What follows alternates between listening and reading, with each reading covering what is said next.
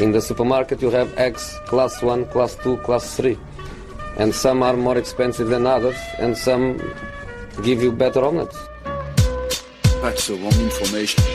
Wrong, wrong, wrong information. I didn't say that. That's the wrong information. Do you think I'm an idiot? Wrong, wrong, wrong information. Now look at me when I talk to you. Your job is to tell the truth. That's the wrong information. Sillypodden! Tillbaks igen, onsdagen den, vad är det? Nionde? Tionde januari 10 januari. Vi är Oss snart, kalenderbitare har koll på det. precis, snart halvvägs in i det här transferfönstret Vi kommer vara i helgen i alla fall Ja, eh, snart, ja det var att ta i, men okej. Ja, det är väl snart till helgen Ja, vi är ungefär en tredjedel in i det här. ja, det, är, det är nästan hälften Okej. eh, Patrik Bränning, välkommen hit Du har haft ett avslöjande idag Ja, Ett silly-avslöjande ja. Simon Bank hånade mig för en timme sedan och sa att jag slutat, slutat producera nyheter och blivit för lat. Eh, så det var lite, lite skönt bara av den anledningen att Ja. den ramlade in där. Vad är det som har hänt då? Det är en ny tränare Ja, det är ju Arsene Wengers ersättare. Nej det är det inte. Det är Hammarbys nya tränare som ju blir eh, Stefan Billborn eh, som är assisterande till Jakob Mikkelsen den här säsongen och eh, han har ett huvudtränaruppdrag sedan tidigare. Det var när han klev in i Hammarby, eller Hammarby, i Brommapojkarna och eh, slutade toksist i Allsvenskan med 12 poäng. Eh, nu ska man väl inte döma honom efter det. Det var väl ett, en, en del eh, hade väl med spelmaterialet där att göra om man säger så. Vad, eh, vad känner du inför den här utnämningen? Är det namnet som bayern supportrarna har drömt om? Nej det är det ju inte. Sen om man funderar varför Jakob Mikkelsen gick så var ju det för att han inte eh, kunde komma överens med Jesper Jansson, deras nya sportchef. Och Jansson vill ju sätta sin prägel på det här Hammarby. Eh, och om man då tänker att han skulle ta in en, en Olof Mellberg eller en Alexander Axén, det är ju två herrar med ganska starka viljor som också garanterat har väldigt, väldigt eh, tydliga idéer om hur de skulle vilja sköta sitt fotbollstränande. Om det då inte riktigt sammanfaller perfekt med Jesper Jansson kan man tänka att det är lättare då att ta Stefan Billborn som finns i klubben. Så kanske inte riktigt är den typen av tränare eller den typen av röst eller den typen av auktoritet. Så att där kanske det finns en, en tydligare Lättare för för Jesper Jansson att få igenom sin vilja och sin, sätta sin prägel på klubben.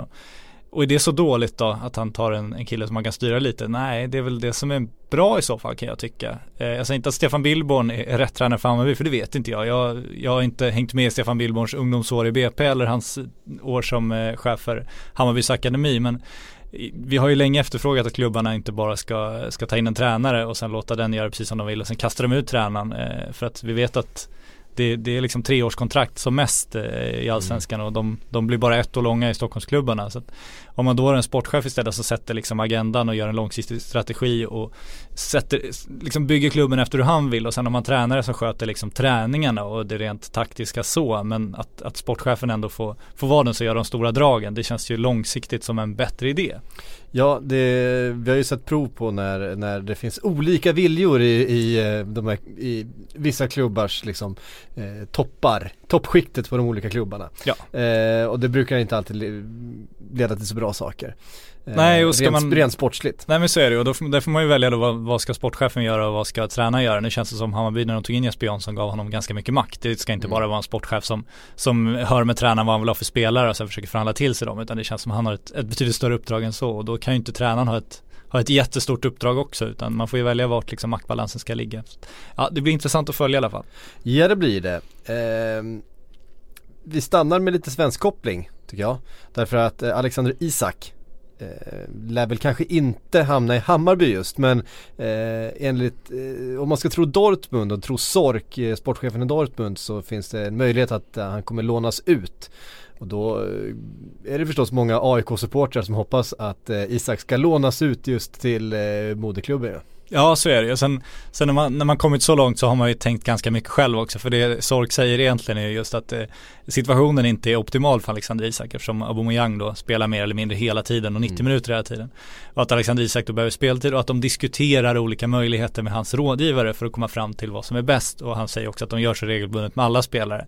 Så man kan ju då landa i Vi drar ganska stora växlar Ja här. exakt, vad gör Dortmund? Jo de har sett att deras 18-åriga supertalang inte får spela i klubben. Mm. Det är klart de tänker då vad ska vi göra? Och så diskuterar man med Alexander Isaks agenter då, men vad, vad är bäst för Alexander? Och, och det är väl inte så, det är klart att det känns som en utlåning vore logiskt då när man själv då tar nästa tankesprång. Mm. Eh, och då om man ska ta ytterligare tankesprång så landar man ju i AIK, det kan man ju göra absolut. Samtidigt så hoppas jag att Dortmund kanske har, och Alexander Isak också har lite, alltså jag skulle hellre se en, en Zweite Bundesliga-klubb eller något sånt så man ändå stannar i kulturen i, liksom i landet. Mm. Och jag tror att det är bättre än att vända hem till AIK för att få utveckling på det sättet.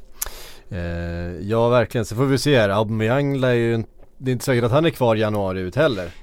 Nej det, det är det som är... om Kina rätt mycket just nu. Ja det har ju liksom blivit lite, det skaver lite i Dortmund också. Där de andra mm. spelarna blivit lite, lite, lite irriterade på Aubameyang och de eh, fördelar han får.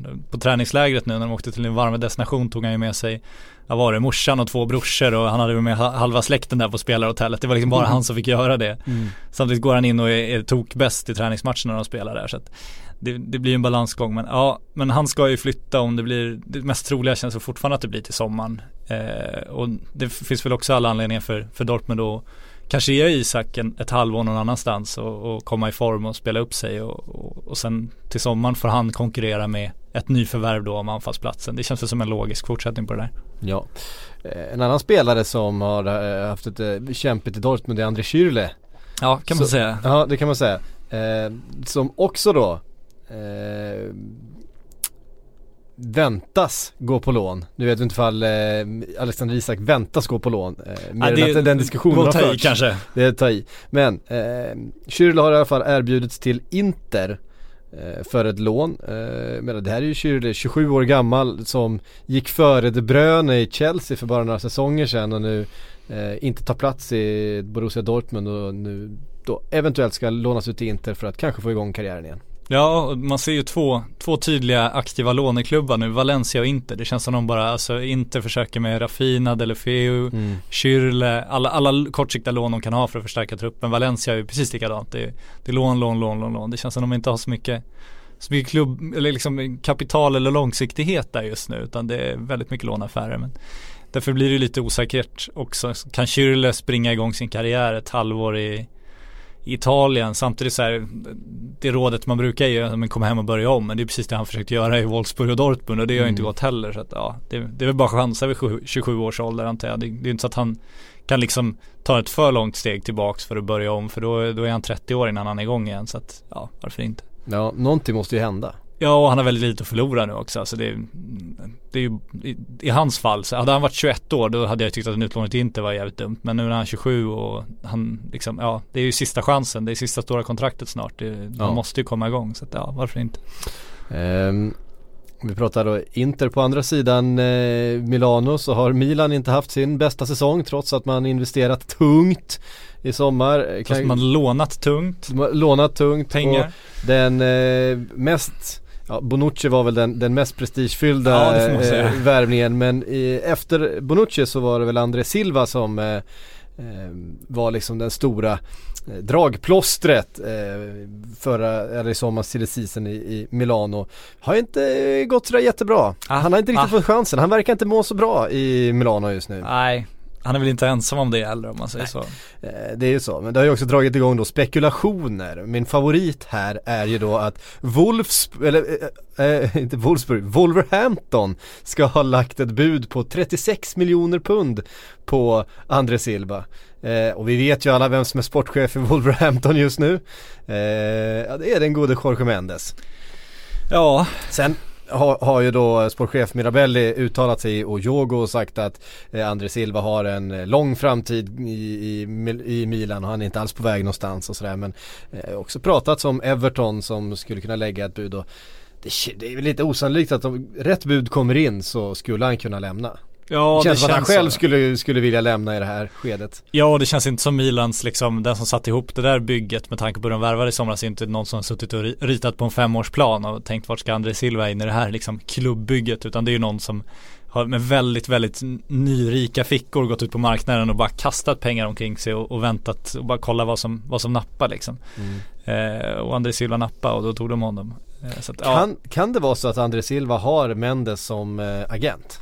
det kan ju vara så, det känns ju väldigt logiskt om det där ryktet kommer. Det är ju helt sjukt om han köper sin egen spelare. Alltså, det, på tal om tapping up. Ja, det är liksom det, det blir så jävla konstigt det här. Alltså, välkommen till den moderna fotbollen. Ja men alltså, det är ju en sak att en eh, agent företräder många olika klubbar och att han har för täta dialoger med vissa, vissa eh, spelare och klubbar och så vidare. Men, men att faktiskt vara uttalat sportchef i en fotbollsklubb samtidigt som man företräder en massa spelare i andra klubbar. Det är ju jättekonstigt. Ja, nej, jag håller med. Jag tycker allt är jättekonstigt. Jag tycker det är konstigt att du kan sätta dig i en förhandling som agent och ha ett avtal med den ena klubben med spelaren och med den andra klubben innan du ens börjar förhandla. Jag tycker allt det här är bara eh, sinnessjukt. Så att det är ju bara ansluta. André Silva, agent, Justifute. Ja, det är Jorge Mendes. Jajamän. Han är ju portugis så att det var ju en, en Ja, det är det är ingen vågad gissning så, nej. Nej. Eh, så Och det är inte så att eh, Jorge Mendes skulle hitta en, en Mino Raiola-spelare i behov av en ny klubbadress till sitt Wolverhampton direkt utan han, eh, han eh, håller sig nog inom sina egna där. Wolverhampton som ju av allt att döma kommer gå upp eh, till Premier League till nästa säsong. Eh, värvade ju osannolikt i, i somras redan. Ehm, Hur lyckades de med det? Ja, hur, hur gick det till? Eh, och vi, alltså eh, Wolverhampton blir rätt intressant att följa i sommar om de säkrar ett Premier League-kontrakt för att eh, pengar finns ju och kontakter finns det eh, dessutom. Ja men det är det som är så vidrigt nu när liksom agenterna verkligen styr marknaden. Det, alltså, det här är ju inte, ja men om han nu är sportchef i, Wolves, eh, hur officiellt eller inofficiellt det är, så är ju liksom, han var ju sportchef i Monaco också inofficiellt. Mino Raiola var ju sportchef i Milan inofficiellt, var det i PSG inofficiellt, är det nu i Man- Manchester United inofficiellt. De har ju liksom sån sinnessjukt stor makt och det blir ju Men han var ju off- märkligt. officiellt sportchef Ja, ja. Det är lite, det är som är så udda. Ja, äh, det är så sjukt. Men det är ju ingen som vill liksom ta tag i agentbranschen. Det är för jobbigt för Fifa. De har fullt upp med att lyfta sina 2,3 miljoner i årslön i, i huvudstyrelsen där när de ska träffas tre gånger kommande året. Det är ändå en bra och då har jag inte ens räknat ner deras liksom eh, resekostnader och annat de också får. Så att det är fullt upp i Fifa eh, och de vill inte ta i sådana här, såna här snuskiga jobbiga frågor som att styra upp fotbollen. Det har de fan inte tid med där. Nej, det har de inte. Eh, mitt favoritrykte den senaste dygnet Det var inte det där alltså. Ja, och det, det, det är också väldigt kul men, men, men nu fick jag syn på vad jag hade skrivit här det här tycker jag är jätteroligt. Det är alltså då Du som Jan Guillou, du skrattar åt dig själv nu. Det är Ja. det du gör. Ja, Vad Eh, gjorde Jan Guillou när han hade läst ut sitt, om det var hans senaste mästerverk? Vad gjorde han när han hade satt punkt för sista raden? Jag vet inte. Han grät åt sin egen briljans. det är ändå fantastiskt. Eh, han, är, ju- han är ju magisk. Han Ja, är, är det magisk. finns ju ingen annan som, som Jan Guillou. Det är ingen annan som kan återberätta det helt ärligt och säga att ja, jag grät åt min egen briljans och, och liksom stå för det och ändå komma undan med det. Ja, magiskt. Ja, jag jobbar ju ibland på, på bokmässan med, för Aftonbladet här. Vi har en stor monter där och brukar ju Jan Guillou förstås stå och prata om sina böcker. Jag har aldrig sett någon stå i en timme och hålla en monolog om sig själv i tredje person. Eh, helt, helt själv med en mikrofon och prata om sig själv i tredje person i en timme. Han är, han är litteraturens Emanuel Adebayor. Det är helt otroligt. Det är en, en, eh, fantastisk förmåga. Ja, absolut. Eh, Men ryktet som jag skulle komma till var att eh, Luka Modric nu ska ha eh, ombetts ge upp sin nummer 10 eh, åt Harry Kane som eh, Real Madrid ska försöka locka över till sommaren med ett monsterbud eftersom man är väldigt stressad över Barcelona. Dels att de då eh, har sprungit ifrån dem sportsligt den här säsongen eh, Eh, men också värvningen utav Coutinho ska ha stressat eh, Real Madrid-ledningen och nu är det ju då, det är två namn som har nämnts, det är även Mohamed Salah då. Eh, men Harry Kane vill du ha sitt nummer 10 och eh, Luka Modric har då ombetts att eh, ge upp det här numret som han har haft i 5-6 säsonger nu. Hur länge sedan var det han lämnade Spurs? Var det fem år sedan? Något sånt.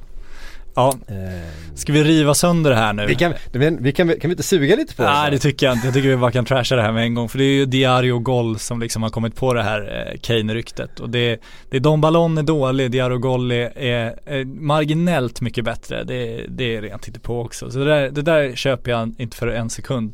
Det mer intressanta som du liksom vill städa undan här och komma undan ifrån. Det är ju Mohamed Salah-ryktet som jag förstår att du vill städa undan i egenskap av Liverpool-supporter. För det är ändå Di Marzio som kommer med det. Ja det är det. Och när han har italienska uppgifter då är han väldigt trovärdig. Ibland så ger han sig på de stora, de stora puckarna även internationellt och det, det är inte riktigt samma träffrate där kan man väl säga. Och det enda han egentligen påstår med Mohamed Salah är att Real Madrid nu anser att Salah då är en, en Galactico-nivå så att de skulle kunna intressera sig för honom. Men det är kul det där just för den vinkeln på den artikeln är ju just att Barcelona tog Filip Coutinho från Liverpool. Nu måste Real Madrid svara på det här, det här PR-kriget. För så, är det ju, det är så de jobbar. Och då ska de ta Mohamed Salah från Liverpool. Man vill ju se Jürgen Klopp sitta där och bara, alltså så fort det kommer upp ett spanskt nummer i hans mobil då, då, då flyger iPhonen i sjön liksom, det vet man ju. Och nu har ju eh, Coutinho också visat precis hur man ska göra om man vill lämna Liverpool. Ja, ja exakt. Ja, det är bara, det är bara karbonpapper att göra precis likadant nu, precis. absolut. Kan jag låna din dagbok från sommaren 2017? exakt, exakt. Ehm, ja vi får se, det är rätt många namn som har nämnts eh, som Galacticos till sommaren. Det, det är Icardi från Inter, eh, Dybala. Dybala, Hazard förstås, eh, Courtois eh, från Chelsea. Eh, sådär. Vi får väl se vart det hamnar men eh, Men det blir kul det där Men lite... jag ser fram emot när Luka Modric ger upp som nummer 10 för Harry Kane. Absolut, det kan du göra. Men jag tycker ändå dragkampen blir intressant för vi har ju Zinedine Zinedine Zidane som känns som han, han inte är den Galactico-tränaren utan det känns ju som han vill behålla sin trupp och satsa lite ungt och liksom ändå ha en genuin liksom spelargrupp. Eh, och han fick ju mandat att, att behålla den i somras efter, efter de här titlarna liksom. Men nu han, kommer han, om han ens är kvar, för han hade fått sparken om han inte var Zinedine Zidane, då hade han redan fått sparken, det kan man ju räkna ut.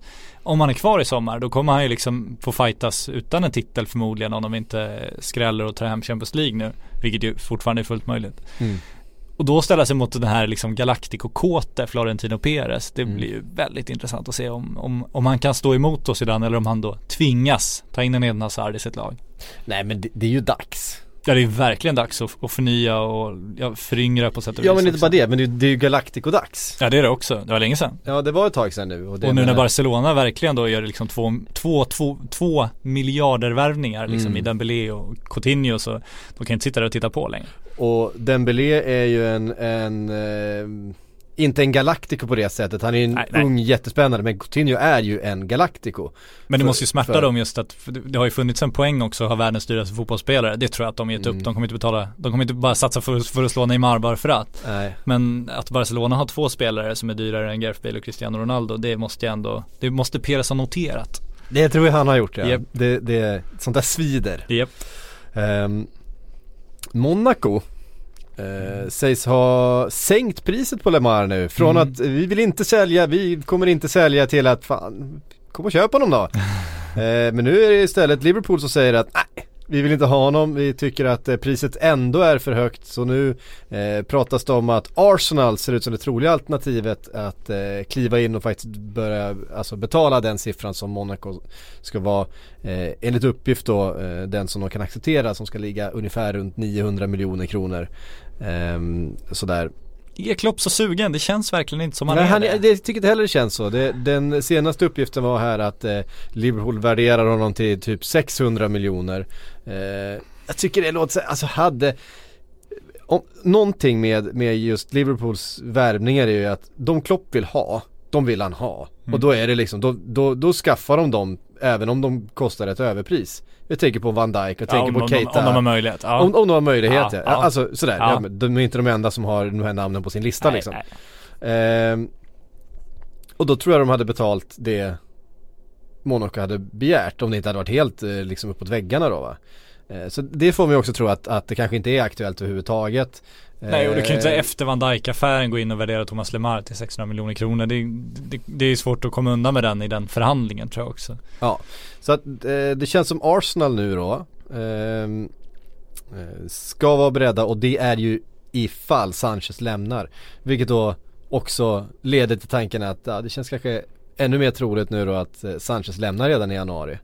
Ehm, och då är det ju Manchester City som det handlar om. Ja, det känns som det är Manchester City det handlar om. Vi har ju fortfarande de här härliga uppgifterna från i somras att, att Sanchez genomgick en läkarundersökning för Mm. Manchester City ifall det Mm. skulle, skulle lösa sig där. Som ju vi hade och jag tror fortfarande på dem eftersom jag vet hur de, hur de eh, Ja vi, vi, kom vet, till. vi vet ju vart de kommer ifrån Ja, det, det var inte något påhitt och det var Nej. verkligen inget, eh, det var bra, bra uppgifter. Ja, verkligen. Så det, jag är rätt säker på att han sen dess också är helt överens med Manchester City. Det känns ju verkligen så. Eh, och då blir det intressant om Arsenal tar Lemar. Är det en tillräckligt bra ersättare? Det får vi se. De är i desperat behov ändå av att visa att de, de liksom växlar upp. Sen undrar jag vart Chelsea hamnar i det här. För att eh, Antonio Conte var ute idag, eh, vilket är spännande, och, sa, och pratade om van Dijk då och sa att ja, men vi, var, vi var absolut intresserade av van Dijk men vi har inte möjlighet att betala den summan för honom som Liverpool gjorde. Och de kunde betala den då sa han eftersom de sålde så bra också eftersom de sålde Coutinho så dyrt.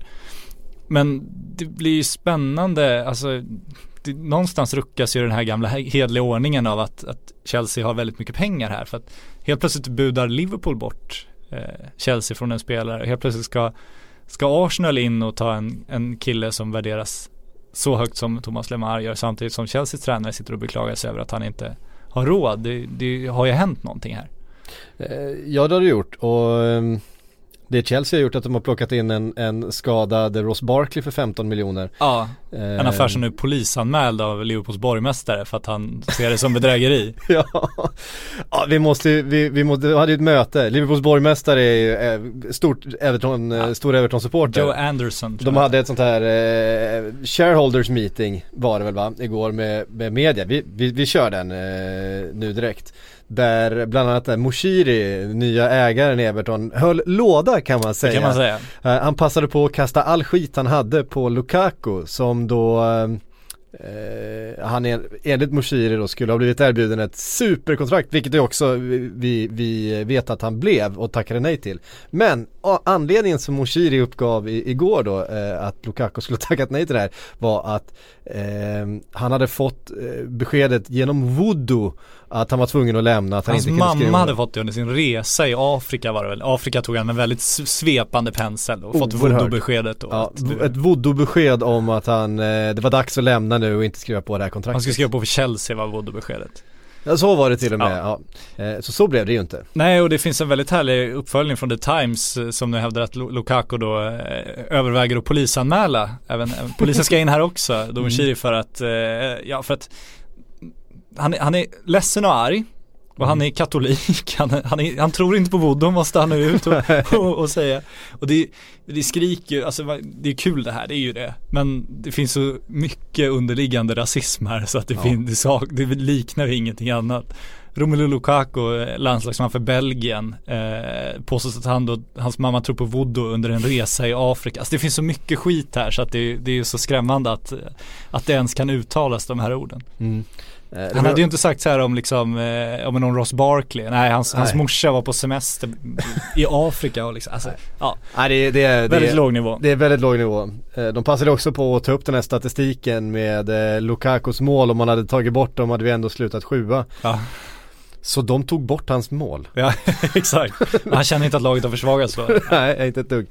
Uh, det var, det var en, en, en märklig tillställning tror jag. eh, det här tror jag också. Everton-mötet igår. Det avslöjades ju också att eh, eh, staden Liverpool ska då gå i borgen till för två Ja, tredjedelar det här blev du sur utav- över, det här tyckte jag var kul. Nej jag blev inte ett dugg så jag vet ju varför det, varför det är så. Det, den behövs ju Ja. eh, på, på många sätt och det är inte så att Det är arenan vi pratar om nu. det är en ny arena för Everton, då det har pratats länge om vart den ska byggas och Men nu har äntligen då beslutet eh, fattats så ehm, Liverpool stad kommer gå in som borgen för ett lån. Eh, så det är inte så att Liverpool stad bara helt och hållet finansierar den här, eh, den här arenan åt Everton som ju också har ganska mycket egna pengar. Ehm, så så är det inte. Men det var en uppgift som kom fram under samma möte igår i alla fall. Men kul med borgmästaren för att återvända till det, den här Mm. polisanmälan. Det är ju en, en helt sinnessjuk affär Ross Barkley egentligen. Det kommer ju fram fler och fler detaljer nu. Eh, Dels så var de ju överens med Chelsea i somras men affären Ross Barkley ska då ha dragits Mm. Han ur stoppa- affären. han stoppade han själv stoppade affären. själv då. Eh, delvis eftersom han blev skadad men av anledningar som den här borgmästaren undrar vad det berodde på. Då skulle de då betala över 300 miljoner kronor om det var 380, 360 något sånt där. Ja, tre- 35 miljoner pund. Och sen så eh, är han helt plötsligt klar då för, eh, för Chelsea i januari när han bara är ett halvår kvar på kontraktet. Kan gå gratis i sommar annars. Då kostar han helt plötsligt 15 miljoner pund. Alltså priset har mer än halverats. Samtidigt får hans agent då eh, 70 miljoner kronor för att han har rott den här affären i land. Life is made up of many gorgeous moments. Cherish them all, big and small, with Blue Nile. Whether it's for yourself or a loved one, Blue Nile's unrivaled selection of expertly crafted fine jewelry and statement pieces help make all your moments sparkle. Blue Nile's experts are on hand to guide you, and their diamond guarantee ensures you get the highest quality at the best price. Celebrate a life well lived in the most radiant way and save up to 30% at BlueNile.com. That's BlueNile.com. Och då undrar man ju så här, ja men tog liksom Evert, eller Chelsea hand med agenten i somras då. De visste att Ross Barkley, han kommer inte vara spelklar på ett halvår. Varför ska vi köpa honom så här dyrt nu när vi inte kan använda sparar honom? 12 miljoner pund genom att göra så här. Ja, vi liksom, och så du får 70 miljoner kronor och så sparar vi mellanskillnaden som återstår där. Mm. Om du då liksom fixar garanterar åt att han kommer i januari istället och så, och så låter vi honom sitta eh, på liksom rehabcykeln i, i Everton och så får vi honom hälften så dyr. Det är klart att det har gått till så. Det känns ju verkligen så. Mm. Och då är frågan, är det bedrägeri?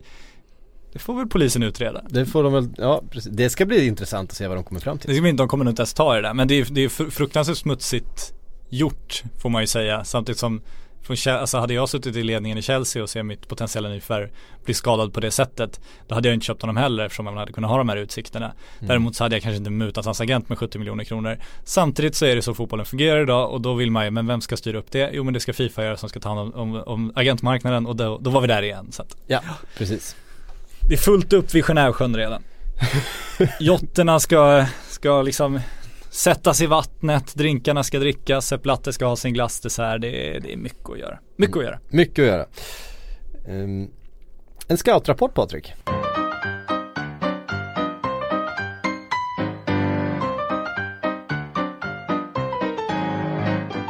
Ja, det här har jag sett fram emot. Ja, jag hade utlovat en scoutrapport. Jag ställde en fråga sent igår kväll på eh, Twitter vem ni ville eh, att vi skulle ta en liten extra titt på. Det var många som hörde av sig om Malcolm, den unge brassen i Bordeaux som eh, ryktas framförallt till Manchester United. Nu kom det uppgifter igår om att eh, Manchester United har eh, inte sitter i några förhandlingar om Malcolm just nu, att det kan bli aktuellt till sommaren. Eh, samtidigt kom det nya uppgifter via Sky Italia, varför de nu skulle ha uppgifter om en brasse i Frankrike. Men de brukar vara rätt trovärdiga, Sky Italia, om att eh, Arsenal faktiskt sitter i förhandlingar om Malcolm idag. Ja, de ska träffa hans agenter. Ja, de ska Ja. träffas. Men i alla fall att de, de är Ja, där de, och, de är där och, de är där och nosar. Ja, absolut. Eh, och det är ju en otroligt intressant spelare det här. Det är ju en sån där Alltså en sån där spel, spelartyp. Han är ju rätt liten, 1,71 lång bara. Ehm, sådär 69 kilo tror jag han stod i hans eh, spelprofil. Eh, det vet man väl inte, det det är väl dagsform också gissar jag.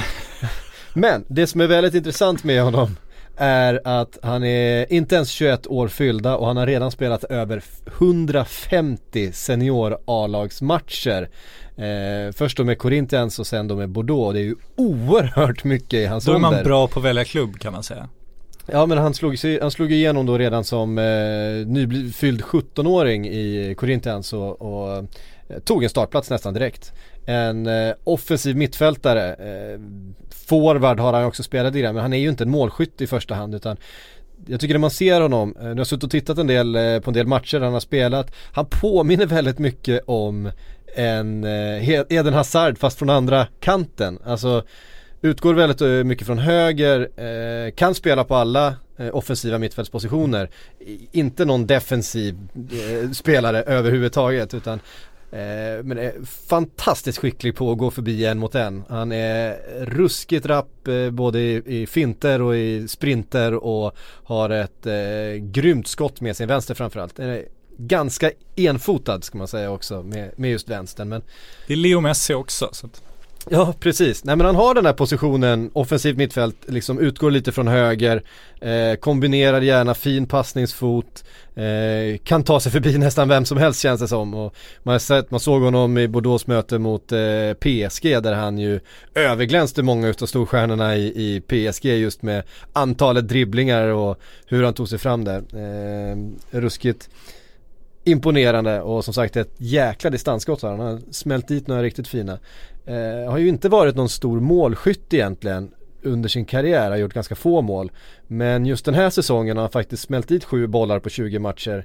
Vilket är helt okej från, eh, från den positionen han har. Det känns som att han har lagt till mer eh, den delen utav eh, eh, ja, den delen till sitt spel. Så att det är väl också gjort att en del har fått upp ögonen ännu mer för honom. Det är klart att i en sån offensiv position som han ändå brukar utgå ifrån eh, så behöver man bidra med i alla fall 10 mål per säsong någonting. Det tror jag man känner i storklubbarna. Det är, väl, det är ju det som är det stora frågetecknet alltid har varit kring Eden Hazard. Gör han tillräckligt många poäng? Vi ser ju vad han gör på planen och hur han får anfallsspelet att liksom ticka men Eh, det, det, har en tendens att inte komma upp i de här eh, riktigt höga siffrorna liksom. Och det är väl det frågetecknet som har varit lite kring, kring Malcolm också för att tekniskt så finns det liksom inget i övrigt att önska verkligen. Han är, han är superteknisk och snabb och har den där låga tyngdpunkten liksom som man verkligen gillar. Så att eh, en väldigt erfaren, rutinerad. Det som också är väldigt intressant, han har ju alltså spelat de här matcherna och han har spelat nästan 40 matcher per säsong vilket innebär att han kan ju inte ha varit speciellt skadad någonsin. Nej. Han har ingen skadehistorik i stort sett. Uh, och det är ju också, jag menar om man är Arsenal och tittar på en, uh, på en mittfältare så måste, så måste det bara vara värt några hundra, några hundra extra på en spelare som inte är skadebenägen. Så tänker Weger, det där, det där kan jag ändra på, det är inga problem. Ge mig en månad. ja, nej men eh, superintressant spelare, eh, har ett kontrakt som går ut om ett par år eh, med Bordeaux men kommer ju inte förlänga det så att jag tror att Bordeaux är beredda att sälja och det, det har handlat om, rört sig om ganska stora summor eftersom det är stora klubbar som tittar på honom och det är en, definitivt en spelare som eh, kommer vara med i framtiden här. Han har ju liksom eh, företrätt Brasilien både på U20 och U23 eh, nivå då i landslagen och, och kommer väl inte vara aktuell till, till VM nu. Det är ju rätt så, rätt så hyfsad konkurrens på de offensiva ja. mittfältspositionerna eh, i det brasilianska landslaget. Men det är ju definitivt en, en spelare som eh, man i Brasilien ser som ett eh, stort, stort framtidsnamn. Ja och han piskar ju på ryktena själv. Han la ju själv upp den här bilden när han pluggar engelska. Exakt. Så det, han, han, gör, han, spelar ju spelet nu också. Ja det gör han. Eh, och det är också väldigt intressant. Jag satt och läste eh, grammatik var det va? Ja, och det, men det är också, det säger ju en del, alltså dels får man imponeras av att han gjort så smarta klubbval, att han inte gör en Lucas Mora och, och går jättedyrt till PSG direkt. Det är inte alla som kan styra det här såklart, det är vem som helst kan inte köpa loss Lucas Mora på det sättet. Men att han går till ett Bordeaux liksom, det luktar ju lite så här när Ronaldinho mellanlandade i PSG en gång i tiden, då var det ett annat typ av PSG. Så att, det är ju smart gjort, så att han vet att han fortsätter få seniormatcher, för det gör ju att, man, att han är så, så välutvecklad nu kan man ju dra den slutsatsen. Mm. Och sen att han läser språk, det är också smart ju. Mm. Det är klart att någon har förklarat att han borde göra det men det finns gott fotbollsspelare som är för lata för att ta tag i det. Mm. Och vi vet ju, det, säger, det vittnar ju i stort sett, ja alla är att ta i, men de som vittnar om svårigheter som fotbollsspelare med byta klubb och liga, det är ju språket, det är ju det alla pekar på först. Hur viktigt det är att lära sig ett nytt språk, hur viktigt det är att, att bli liksom familjär med, med ditt nya språk. Mm. Han eh, känns som en intelligent kille också. Mm. Så där var eh, scouting-rapporten på, eh, på Malcolm eh, den här veckan. vi ser fram emot att se vad som händer där. Har du en jingel nu eller? Eh, ja det har vi ju. Ja, fint. Ja, absolut. Ja. Eh, Då ska jag lyssna på den igen sen. Mm. Ja. Eh, mm, mm, mm. Du nämnde Lukas Mora. Ja. Det, jag gör gärna det av någon anledning. Det pratas United. Ja, det pratas, det pratas väldigt mycket och det känns ju som det finns någon som vill att det ska pratas väldigt mycket och det känns som den personen är Lukas Mora. Mm. Alltså frågan är, jag tror att United nog överväger om det finns en plats om det är lönt att ta in honom. De, de de har ju honom om de vill. Ja. Och PSG behöver visserligen balansera sina böcker lite grann men de kan ju inte ta någon hutlös summa för, för Mora. Nej det påstås ju att de ville ha 40 miljoner euro eh, det, kommer de, det kommer de aldrig få. Nej det kommer de inte få, det var också en sån här grej man, man förstår att det sprids i tidningarna. Sen påstås det att han var erbjuden till Manchester United för 25 miljoner pund. Ja. Och någonstans där, där kan man väl tänka att det, ja. det, landar. Men då är frågan hur mycket United är intresserade egentligen eller om det bara är så att de har liksom fått möjligheten. Men samtidigt så ser man ju är det värt att ta in honom kanske på speltid för Rashford eller ja, för någon annan ung spelare som eh, man vill satsa på? Ja men det, det, kan jag ändå tycka att det kan finnas en poäng här för att det, du får inte så många möjligheter i januari att få in en spelare som ändå bör kunna vara med och konkurrera. Mm. Och får du då Lukas Mora så pass billigt, det har ju blivit en rotationsplats över för Zlatan Ibrahimovic, man vet ju inte när han kommer kunna spela igen, om han kommer kunna spela. Han spelar ju längst fram på, ett annat, mm. på en annan position men de, får ju rotera med Lukaku där också så att, och det är de som ska rotera med Lukaku de, Zlatan är inte med blir ju liksom Martial och Rashford och de här spelarna. Så mm. det, det, går ju att kasta in honom i ekvationen där ändå. Och det, det, jag vet inte vart Lukas Mora står idag men om man får honom för 25 miljoner pund och man känner att man verkligen, verkligen har råd med det, vilket Manchester United verkligen, verkligen bör. Då känns det Ja, som en, ja och då känns det som en chansning man ändå borde kunna göra i det här läget. Mm. Eh, ja fan de ska ju lägga 3 miljarder Exakt. I, i sommar så att eh, pengar ska det ju finnas. Ja och skulle han inte göra succé så är inte det någon katastrof för, för de har gått om täckning där. Skulle han göra succé är det en jättebra bonus och oavsett så hade det nog varit rätt bra att ha med honom i, i rullningen. Mm.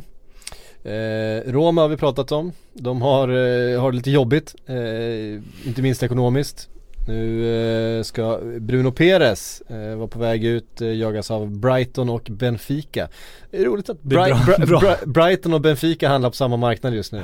Men det är ju det är som Wolverhampton och Bright, alltså de här Ja. liksom mindre brittiska klubbarna, ska vi inte tjata om, om finansiell styrka och allt sånt där igen men, men det, är- det är ju uppenbart. Mm. De har möjligheter nu. Medan Roma själva jagar en lite billigare lösning då på samma position och det pratas om en Mané från Cluj i, Ja. i Rumänien. Eh, och det är, alltså med tanke på hur Monchis öga, nu har inte, hade inte han bästa sommaren heller just med sina rekryteringar kanske. Men eh, man vet ju att han har öga för, eh, för en talang eh, som kommer eh, från ingenstans och gör succé.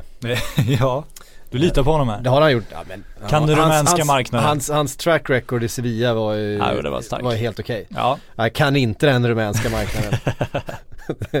det, vill jag ha väldigt, vill jag ha väldigt tydligt.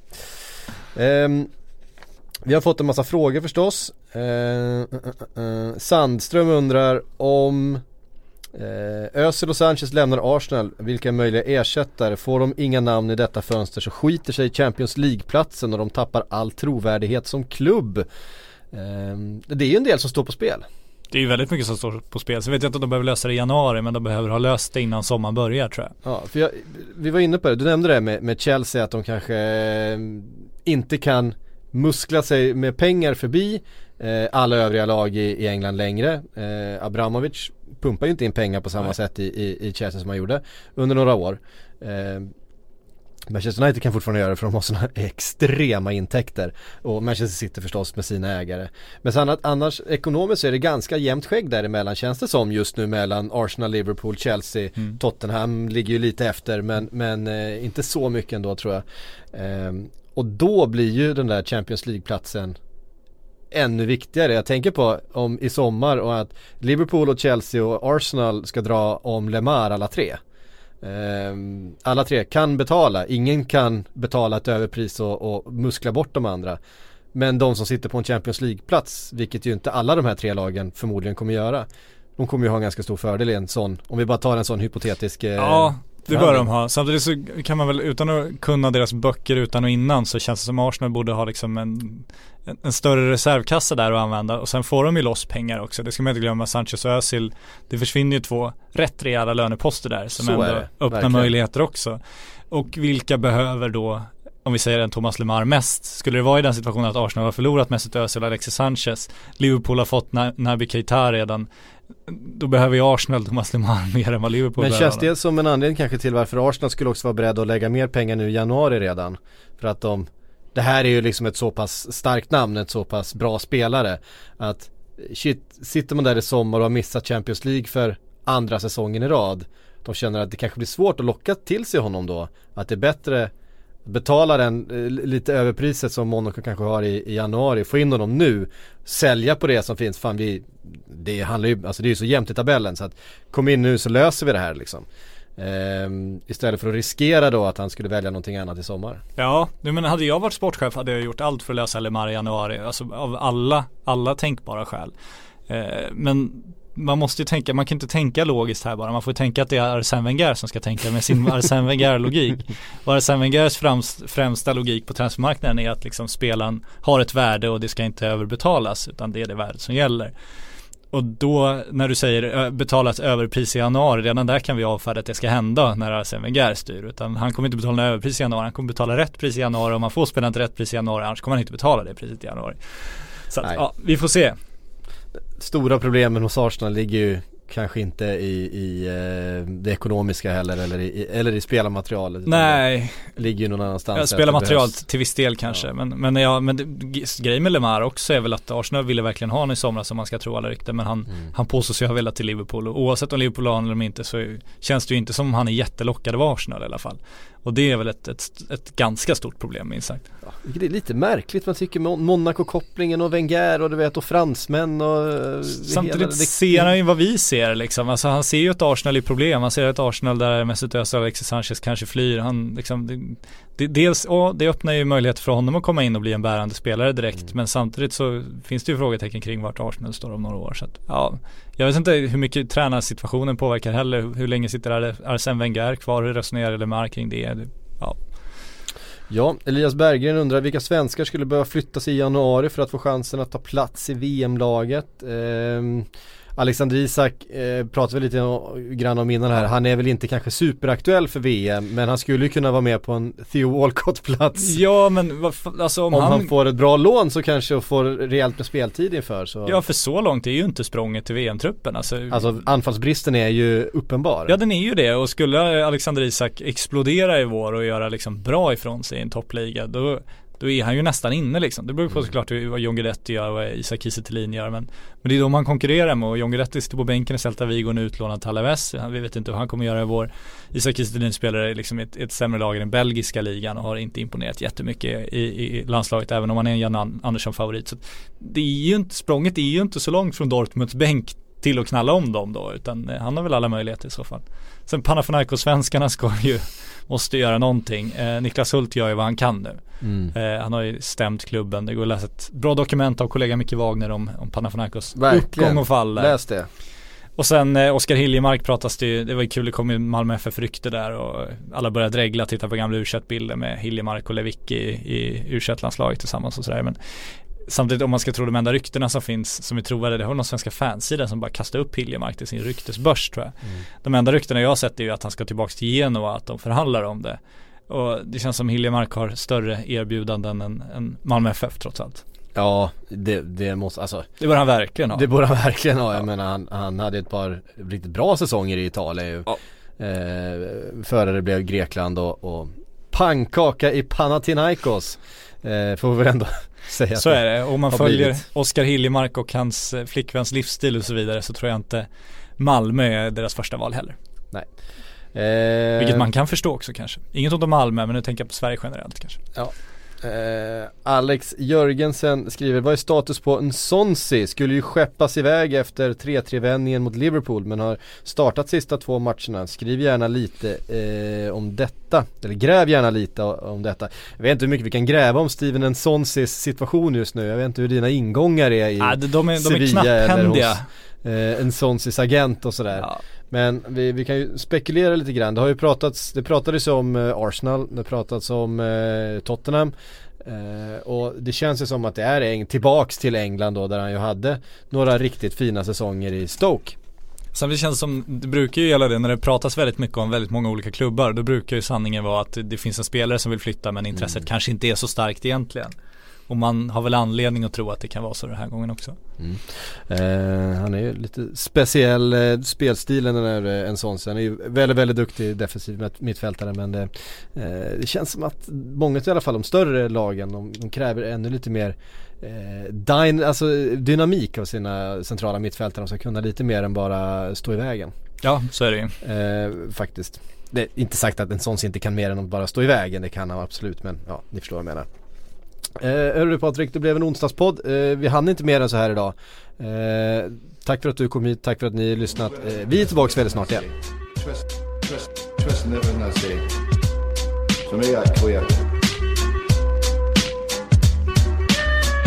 No eggs, no honey.